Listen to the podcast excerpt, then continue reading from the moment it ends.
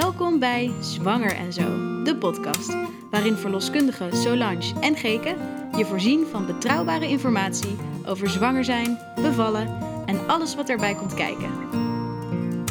Eerste keer of al lang bekend, wat komt er op je pad nu je zwanger bent? Mag die biefstuk echt niet meer? Wanneer zie ik mijn eigen tenen weer? Een nieuwe wereld gaat open, maar welke dingen moet je geloven? Informatie op niveau, dat vind je bij Zwanger en Zo. Leuk dat je weer luistert naar Zwanger en Zo de podcast. Deze vierde aflevering staat volledig in het teken van sporten en bewegen. Want hoe word je of hoe blijf je fit in de zwangerschap? Welke sporten worden aan en welke afgeraden? En wanneer mag je nou eigenlijk weer gaan sporten na de bevalling? En dat doen we niet alleen. We hebben namelijk experts uitgenodigd op dit gebied, namelijk Yusra en Josine van Power Mama. Beide zijn zij gespecialiseerd pre- en postnataal fitnessinstructeur. Wat inhoudt dat zij opleidingen hebben gevolgd om zwangere en netbevallen vrouwen te begeleiden tijdens het sporten. Samen hebben zij het programma Power Mama ontwikkeld. Het wordt in allerlei plekken in Nederland en België gegeven. Yusra en Josine, vertel. Wie zijn jullie en wat is jullie missie? Nou, dankjewel dat we hier mogen zijn. Ehm, ik trap even af. Ik ben Josien en uh, Yusra komt straks. We hebben samen Power Mama ontwikkeld. En onze missie is dat vrouwen tijdens en na de zwangerschap veilig, verantwoord en vooral met plezier kunnen sporten en bewegen. En dat is omdat um, tijdens de zwangerschap en na de bevalling is bewegen onwijs goed. Maar het is wel een beetje anders dan normaal. En niet voor iedereen is het even duidelijk. Dus daarom hebben wij een uh, programma ontwikkeld. Zodat uh, vrouwen op een veilige, maar vooral ook leuke manier kunnen blijven bewegen. En ik ben Yusra.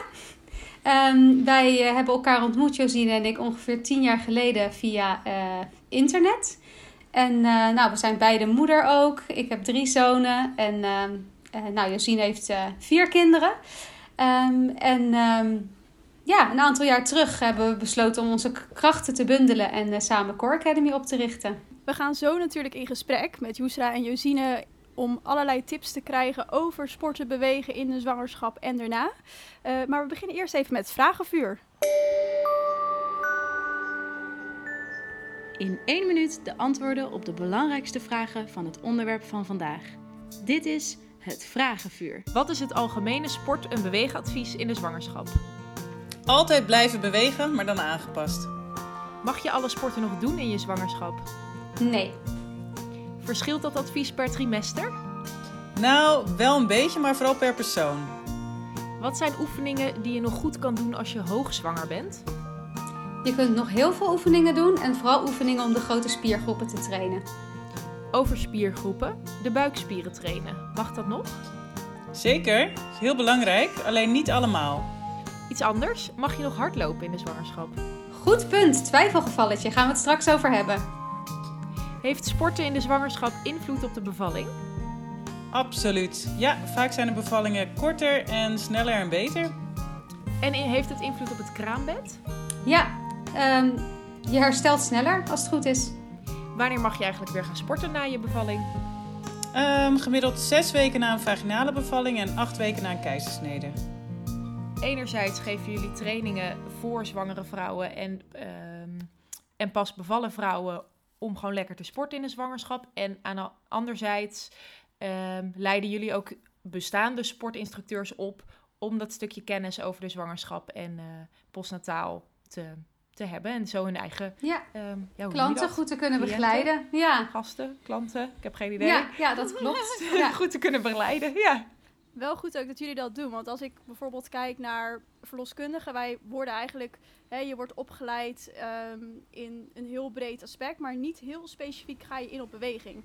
Ik denk, nou, Geke en ik hadden het erover. Wij zeggen altijd tegen iedereen: ja, je kan gewoon sporten en uh, kijk gewoon, uh, volg je lichaam erin. En, uh, Ga niet iets doen wat je daarvoor niet deed, maar ja. blijf wel ja, lekker precies. een beetje bewegen. Maar, maar hou rekening, of voel aan wat gaat en wat niet gaat. Ja, precies. Ja. En dat is natuurlijk uh, heel lastig. Maar klopt dat nou? Nou, wij zeggen altijd in onze opleiding, dan beginnen we altijd met een stelling van luisteren naar je lichaam. Is dat een goed advies om aan vrouwen te geven? En daar zijn vaak alle trainers het dan mee eens. Maar onze stelling is eigenlijk van dat we niet zo vinden dat dat een goed advies is. Omdat het heel erg lastig is om te luisteren naar je lichaam voor heel veel vrouwen, überhaupt.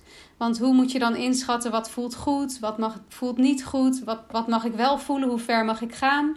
En ook impact op lange termijn kan je natuurlijk niet altijd inschatten.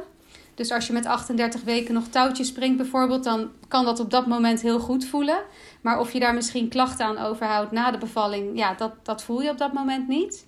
Dus wij zeggen altijd van zorg dat je gewoon traint met iemand die de kennis heeft. Zodat je natuurlijk ook luistert naar je lichaam, want dat, dat is heel belangrijk. Maar dat je ook wel gewoon goed wat richtlijnen meekrijgt. En dat je niet alles zelf hoeft te bedenken. En wat zijn nou sporten die, uh, die je mag doen in de zwangerschap? Of welke juist niet? Ja, wij zijn heel erg fan van krachttraining. Mm -hmm. Omdat het uh, zowel op korte als lange termijn ontzettend goed voor je is. En uh, omdat je daarmee je hele lichaam sterker maakt, waar je bij de bevalling heel veel baat bij hebt. En ook in je herstel. Want een getrainde spier, of dat nou een buikspier of een bekkenbodemspier is, die herstelt altijd beter dan een ongetrainde. Ook met schade. Dus dat is super belangrijk. Um, maar verder, ja, bijna alle sporten zijn gewoon goed te doen. Behalve contactsporten of weet je, echte risicosporten. Dat moet je niet doen. Maar verder is bijna alles wel te doen, maar met de juiste aanpassingen. En eigenlijk, dat is een beetje de instinker. Mensen denken altijd, ik moet weten hoe ik oefeningen aanpas. En dan kan ik het wel allemaal blijven doen. Maar het gaat meer om wat er in je lichaam gebeurt. En dat kun je niet zien aan de buitenkant als trainer. Dus dan, daarvoor moet je echt de juiste vragen stellen aan moeders. Om te weten wat zij voelen, zodat je weet wat je aan kan passen. Kun je daar een voorbeeld van geven? Ja, bijvoorbeeld uh, denk aan een verzakking. Uh, dat is een, uh, ja, een, een complicatie die je kunt krijgen wanneer een orgaan verzakt in het kleine bekken. Blaas, baarmoeder, darm. Dat zie je niet aan de buitenkant. Dus iemand is, om Yusra's voorbeeld te nemen, lekker aan het touwtje springen. Nou, die voelt zich prima. En mm. aan de buitenkant als trainer zie je ook niet dat er iets misgaat. Maar zij voelt misschien wel wat druk of een pijnlijk gevoel of een zwaar gevoel. En dus als trainer moet je waarschuwen van... joh, als je dit voelt, als je dat voelt, laat het me weten, dan passen we het aan. Ja. Dat zijn dingen waar je als trainer gewoon specifiek naar moet vragen. Want een vrouw heeft geen idee, die is zwanger, alles is zwaar. Zij heeft geen idee dat dat iets is wat je niet hoort te voelen. Kunnen jullie dat benoemen? Welke dingen je niet mag voelen met sporten? Wat voel je als je te ver gaat? Nou, wij hebben de vier rode vlaggen ontwikkeld. En die noemen we de Power Mama Checks. Want vier rode vlaggen, dat, dat zijn dus de dingen die je niet wil voelen. Maar dat is zo negatief als je dat de hele tijd moet zeggen. Dit mag je niet voelen, dat mag je ook niet voelen. Dus we hebben ze eigenlijk positief gedraaid. Dat is wat gezelliger om te delen tijdens de trainingen. En één daarvan is bijvoorbeeld, um, nou ja, geen pijn natuurlijk. Pijn is altijd een signaal van je lijf dat er iets niet helemaal goed gaat. Dus als je pijn hebt bij het trainen, moet je dat altijd melden bij de trainer. En een tweede is bijvoorbeeld dat we graag willen dat de buik uh, dat die plat blijft. En dan niet plat in de zin van strakke sixpack buik, maar eh, plat in de zin van dat je geen op een zwangerschapsbuik een, zeg maar een tuutvorming ziet. Dat als je een oefening doet, dat de buikdruk zo hoog wordt dat eigenlijk uh, ja, de peesplaat die tussen de twee rechte buikspieren in zit, dat die een beetje naar buiten komt. Dat er een tuutje ontstaat, dat is niet de bedoeling. En we hebben er nog twee, Josine. Ja, eentje is urineverlies. Nou, dat zie je ook niet altijd, maar dat voel je wel. En de andere is druk op de bekkenbodem. En dat heeft dan weer met verzakking te maken. Uh, en ja, hoe wij dat dan positief benoemen is de bekkenbodem blijft in beweging. Want uh, normaal gesproken gaat die op en neer wanneer je beweegt. Als een soort kwal, zeggen wij altijd. Zoals een kwal door de zee gaat. Ik maak nu een gebaar met mijn hand. Dat nee. zien de luisteraars niet. Nee. maar denk aan een kwal die lekker door de zee gaat. Op en neer, op en neer. Zo beweegt je bekkenbodem als het goed is ook op en neer. Op je ademhaling. En uh, ook uh, wanneer je beweegt om druk op te vangen. En die moet zijn werk wel kunnen doen. Dus als die heel zwaar is, omdat je naar beneden perst, bewust of onbewust, of dat je hem juist helemaal omhoog knijpt, omdat je hem de hele dag aan zit te knijpen, dat is allebei niet de bedoeling. Hij moet lekker op en neer bewegen. Ja. Dus dat is er ook één. Over die buikspieren. Wij hadden op uh, Instagram een aantal vragen, ook een poll. En één daarvan was ook, mag je buikspieren trainen? En jij noemde net over die puntbuik. Uh, ja begrijp ik daarin van je mag ze trainen, maar niet als je ze een puntbuik krijgt, zeg maar? Nou, je hebt natuurlijk verschillende buikspieren. Veel mensen denken bij buikspieren gelijk aan de oppervlakkige, zeg maar de sixpack, ja. die uh, ja, iedereen graag wil laten zien, de blokjes. Maar dat is één laag van de buikspieren. Je hebt ook nog schuine buikspieren en diepe buikspieren. En de rechte buikspieren, die wil je graag met rust laten tijdens de zwangerschap. Of in die zin, je mag ze natuurlijk wel gewoon functioneel mogen ze meehelpen, maar je wil ze niet geïsoleerd meer trainen omdat uh, als de baby gaat groeien, dan moet, uh, moet er natuurlijk ruimte worden gecreëerd in de buik. En de buikspieren die gaan dus een stukje oprekken, die worden groter mm. om die ruimte te creëren. En de peesplaat die ertussen zit, dat rekt ook mee. En um, dat noemen ze een diastase, dat is een heel natuurlijk verschijnsel. Alleen je wil wel tijdens de, de zwangerschap dus niet meer planken, geen sit-ups of andere oefeningen doen waarbij er dus heel veel druk op die buikspieren komt. Want je wil dat proces eigenlijk niet verstoren. En hoe train je dan die buikspieren die je nog wel mag gebruiken? Ja, wat, waar wij veel op focussen is het uh, activeren van je diepe dwarse buikspier, je transversus. De meeste mensen hebben geen idee wat dat is of waar dat zit. Dus dat leggen we ze dan uit, hoe je die kan aanspannen. Want juist wanneer alles uitrekt, is die heel belangrijk. Dat is een soort corset. Die loopt helemaal. Ik ga weer met mijn handen van alles doen, maar die loopt helemaal rondom je heen. En die, uh, ja, daarmee hou je eigenlijk core stability. Dus kracht en stabiliteit in je romp. En dat is heel belangrijk tijdens de zwangerschap en na de bevalling. Dus daar doen we eigenlijk allerlei oefeningen mee. En schuine buikspieren en ja, ook gecombineerde buikspiertraining, waarbij je alle spieren gebruikt. Want wat ook wel belangrijk is, zoals Jusra uitlegde, die rechte buikspier trainen we niet geïsoleerd. Maar je mag hem wel gebruiken. Want soms denken mensen: oh, ik mag niks met die rechte buikspier doen. Maar ja, je wil ook traplopen en fietsen en gewoon normale bewegingen doen die je in dagelijks leven doet. En daarvoor, daarbij gebruik je die spieren ook. Ja. Dus het is niet dat ze verboden zijn, maar je gaat ze niet geïsoleerd trainen. Ik was nog wel benieuwd. We hadden het even over die, over die diastase. Die rechte buikspieren dus niet. Hoe train je die andere buikspieren? Ja, nou, dat zou ik heel graag voor willen doen. Maar dat kun je niet zo uh, makkelijk doen met alleen maar geluid. Maar we kunnen wel een uh, blog maken waarin we linkjes naar video's uh, zetten. En dan kun je daar de oefeningen bekijken en dan kun je daar meedoen. Oh, super. Nou, dan kunnen de luisteraars dat dus terugvinden op onze website. Um, over sporten die je niet mag doen. Hebben jullie gewoon praktisch voor de luisteraars een rijtje van, nou, dat zijn echt sporten, kan je beter niet doen in de zwangerschap? Nou, er zijn um, contactsporten waarbij je de kans hebt om tegen iemand op te rennen of een stomp te krijgen. Zoals boksen en de meeste balsporten en um, nou ja, racketsporten, dat soort dingen. zijn niet aan te raden. En um, sporten waarbij er een risico is om te vallen. Um, dus dat kan ja, turnen of dat soort dingen zijn. Skiën is allemaal niet aan te raden. Ja, raden jullie skiën af? Ja. In de hele zwangerschap? Nou, ja, dat is een beetje discutabel natuurlijk. Sommige mensen hebben tot 20 weken amper een buik. En die zouden bij wijze van spreken prima kunnen skiën. Maar daarbij is het dan ook wel zo van ben je gewend te skiën? Kun je het goed? Kun je uitwijken als er iemand op je afkomt vliegen? Weet je wel? Dus dan gaat het meer om de mogelijkheid om te vallen en het mogelijke contact dan het skiën echt aan zich. Ja, of tenzij iemand bekkenpijn heeft. Dus dat is pijn in iets in het bekkengebied, schaambod, stuitje, ziegewricht. Dan zou ik het ook niet aanraden. Omdat je natuurlijk steeds één been wegduwt. Ja, tenzij je heel goed stabiel blijft. Maar ja, dat is ook een beetje de vraag hoe je skiet. Dan moet je echt wel ervaring hebben, zeg maar. Ja. En heb je klachten? Dat is denk ik iets van uh, wat wat ik nu heb gehoord dat heel belangrijk is. En dat is ook bijvoorbeeld in CrossFit, de sport waar wij zelf in coachen. Daar zitten ook nogal veel oefeningen bij waarbij je aan een rack hangt of waarbij je op je handen gaat staan. En sommige vrouwen willen dat heel graag blijven doen. Maar dan gaan we wel altijd het gesprek aan van, goh, waarom wil je deze oefening zo graag blijven doen? Uh, als er ook een veiligere manier is waarop je dezelfde spiergroep bijvoorbeeld kan trainen.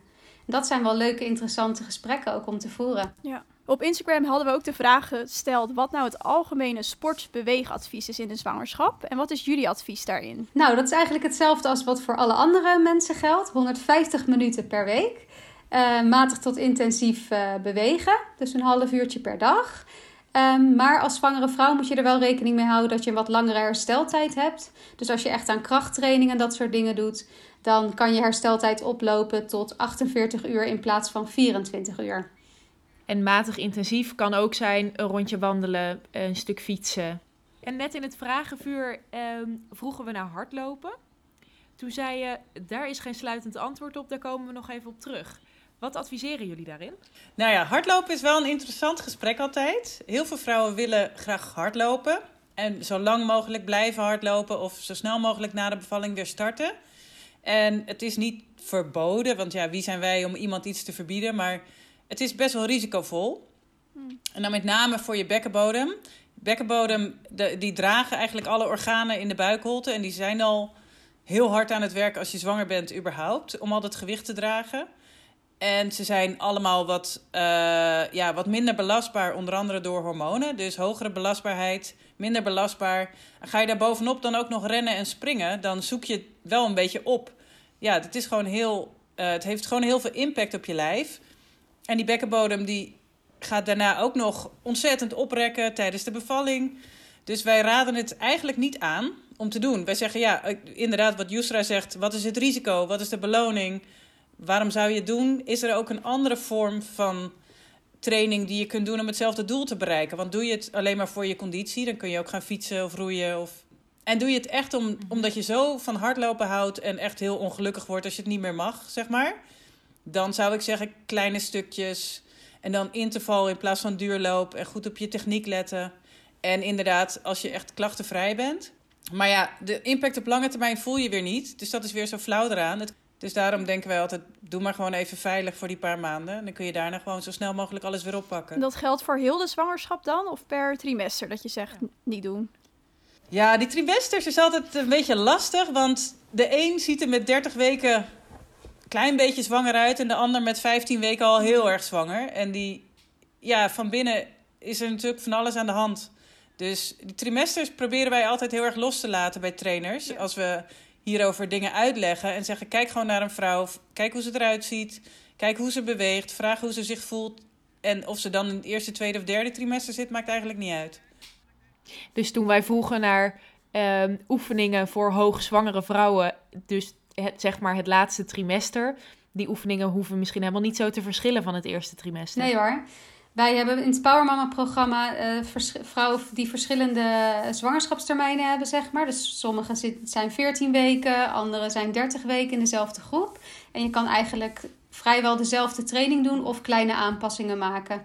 Dus bijvoorbeeld iemand die nog in het begin van de zwangerschap uh, zit, die kan bijvoorbeeld nog een push-up op de knieën of tegen een box of een tafel aan.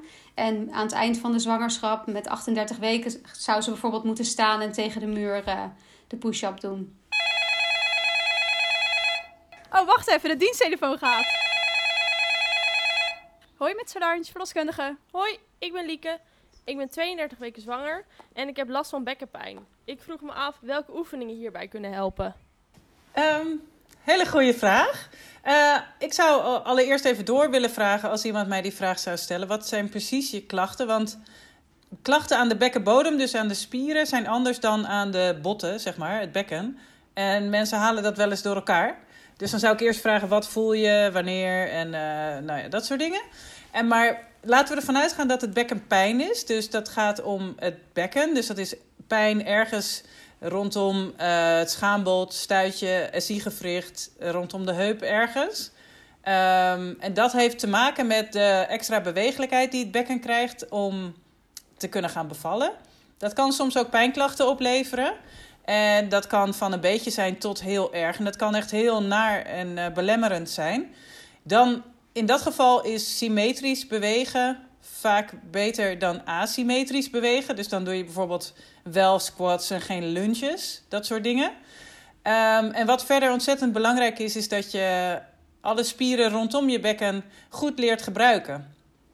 Dus uh, bekkenbodem, buikspieren, bilspieren. Ja, wij leren vrouwen altijd aan om de bekkenbodem te leren aanspannen, maar ook loslaten.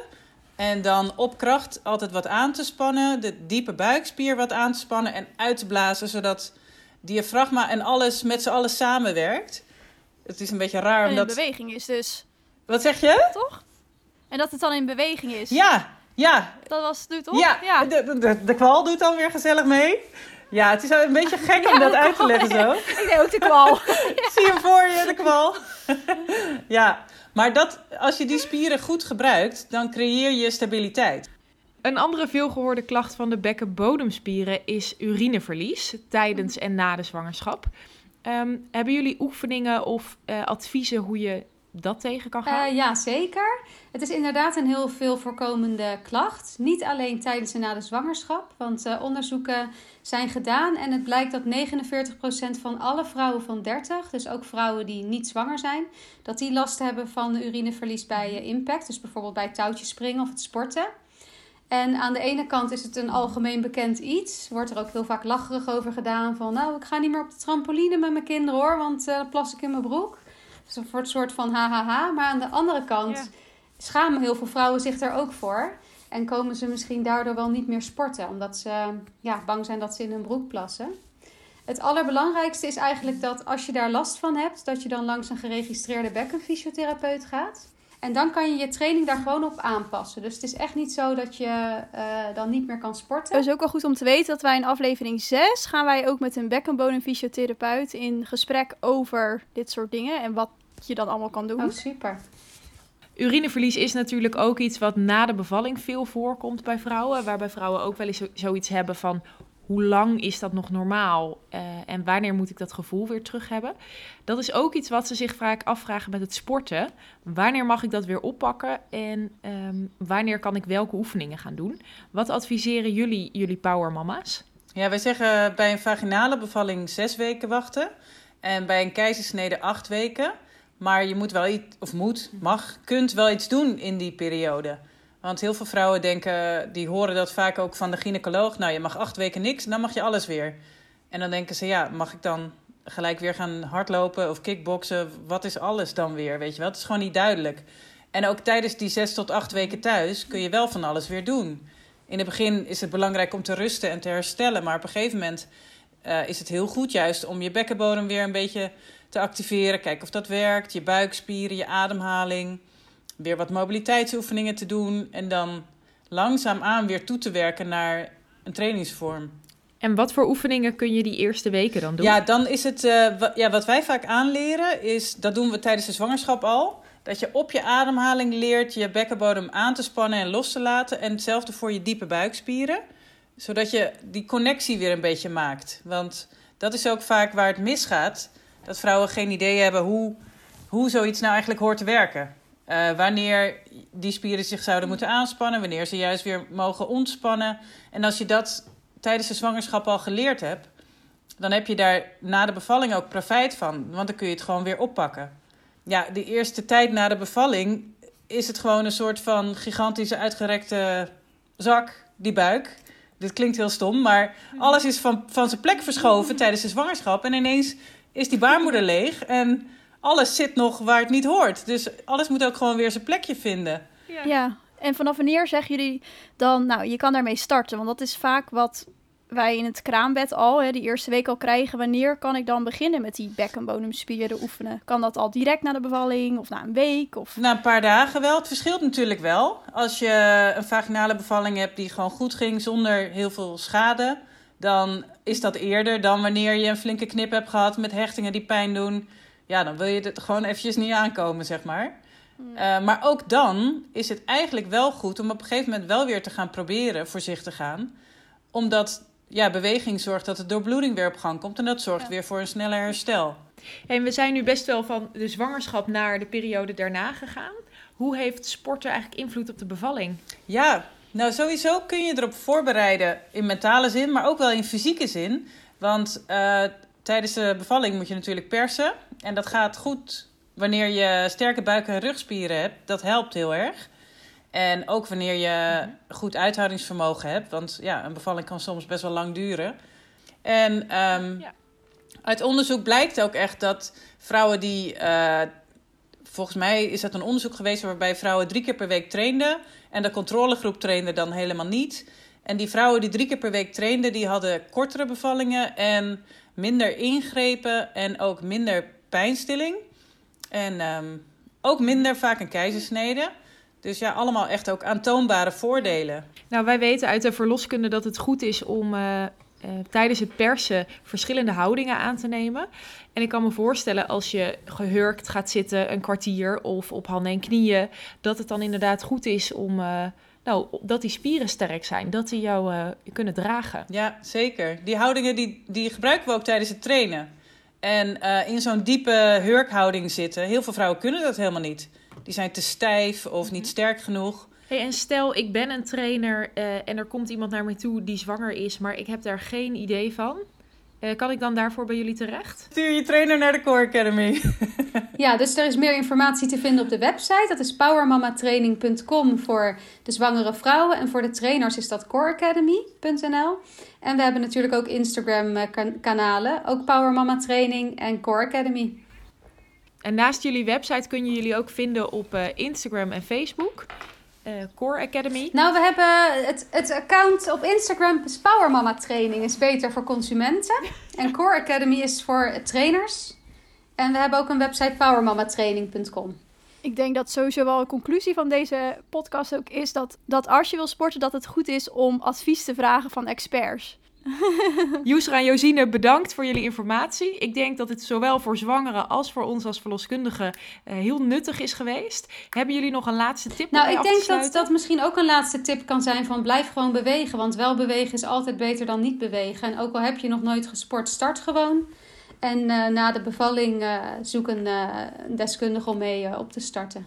Veel tips gehad van Yusra en Josien. Ehm, hoe gaan zwangeren hier zelf mee om? Omdat we benieuwd zijn eh, hoe zwangeren dit oppakken, hebben we gevraagd om eventjes met Wietske te bellen. Eh Wiets, jij bent tien maanden geleden bevallen van je zoon Bram. En je bent wel een sportief type, hè? Jazeker, ja. Ja, deed dat, ja, durf ik wel te zeggen, ja. Je woont in Oostenrijk en eh, je skiet normaal gesproken de hele winter gewoon door.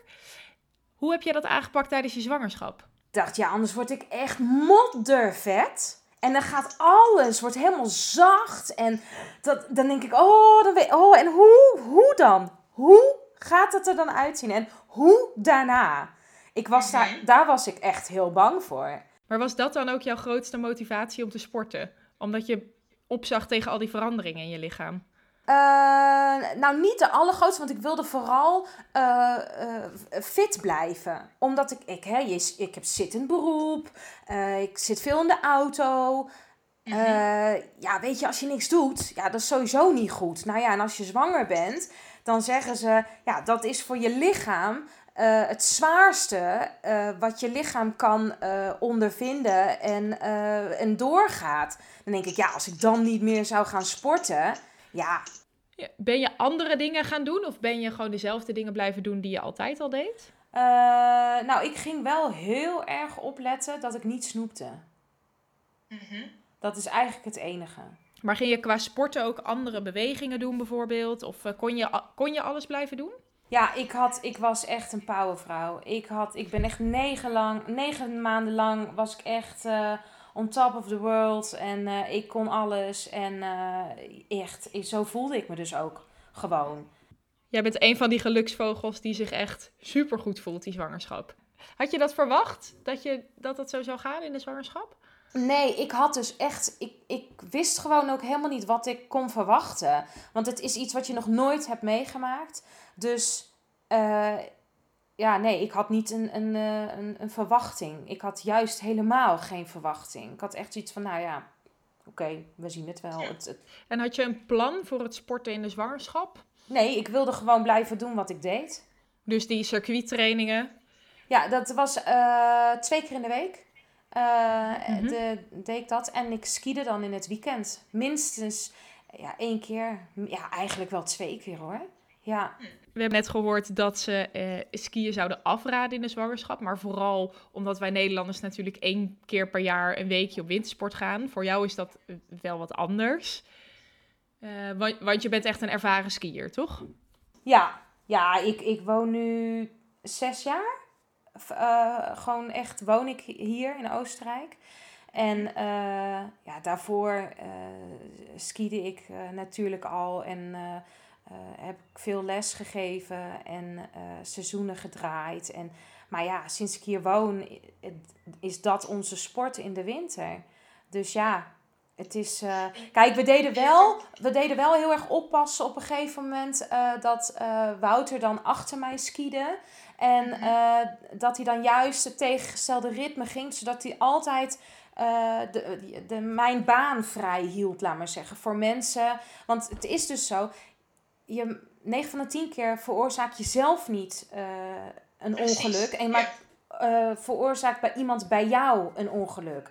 En dat kan je dus ook wel voorkomen door ja, aan de zijkant te blijven skiën en gewoon in hetzelfde ritme. En als dan iemand achter jou, eh, ja, ja, achter jou skiet en in hetzelfde ritme en jouw baan dus vrij houdt, ja, dan hoef je dat. Ja, dan heb, ik had daar dus ook nooit angst voor. Voor echt het einde van een zwangerschap, waren er wel eens oefeningen die je dan deed en wat je dacht, ja, dat voelt echt niet fijn. Die moet ik skippen of daar moet ik iets anders voor bedenken.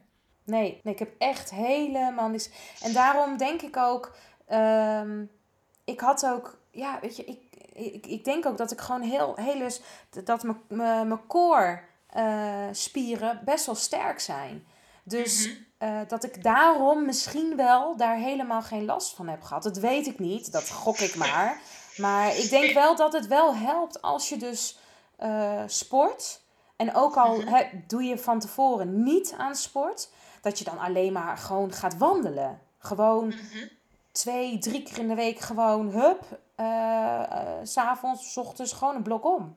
Tot en met 28 weken heb ik geskiet. En ik heb tot en met eh 31 weken heb ik circuittraining gedaan.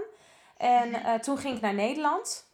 Op de camping. Nou, het was hartstikke mooi weer. Eh, maar wij hadden ook de wielrenfietsen mee. Want ja, we moesten toch wel wat blijven doen. Nou ja, dus wij, eh, nou al heel snel eh, dat we in Nederland waren, bij de wielrenfiets eh, erbij gepakt. Nou, hup, wij een rondje fietsen. Ik had al een eh, wielrenbroek aan van Wouter, want ja, die paste ik natuurlijk zelf niet meer. Nee, dat, dat ding zit super strak. Ja, dus, nou weet je, en ik had ook echt van die tieten, jongen. Dus dat, dat, ah, echt, dat zag er niet uit. En ik had dus zo'n dikke reet en dikke benen. Nou, en toen had ik echt ook wel al, ja, weet je, ik, eh, heb nooit een hele dikke buik gehad, maar ik had wel echt al een buik, weet je wel. Dus, ja, nou, hup, wij op die fiets. Nou, dat op- en afstappen, dat was al, weet je, dan moet je eerst met je been eroverheen en dan, nou ja, Hè? Dat was al. eh, nou, lukt dat allemaal? Ja hoor, nee, lukt wel. Ja, nou, heb je ergens wat van? Nou, nee hoor, nee. Ja, kom, we gaan gewoon fietsen. Nou, hup, wij fietsen. Wouter fietst achter mij en die zegt echt: Nou, dit ziet er niet uit. Oké, Wiets, eh, afsluitend, heb je nog een tip die je aan alle luisteraars zou willen meegeven? Ja, zeker. Ik denk dat het heel belangrijk is dat, eh, dat je blijft doen wat je deed voordat je zwangerschap, vo- voordat je zwangerschap begon. En als je niet beweegt of niet sport, dat, eh, dat het echt heel belangrijk is dat je dat gaat doen. En het hoeft echt niet moeilijk te zijn. Gewoon wandelen of fietsen of gaan zwemmen. Eh, maar het belangrijkste is echt beweeg. Ga, ga iets doen. Want het is zo belastend en zo zwaar voor je lichaam. Een hele, hele zwangerschap. Bedankt voor je tips en eh, alles wat je wilde vertellen. Dit was de vierde aflevering van de podcast over sporten en bewegen in de zwangerschap. Mocht je vragen hebben over dit onderwerp of wil je een reactie achterlaten, dan vinden we dat natuurlijk altijd heel leuk.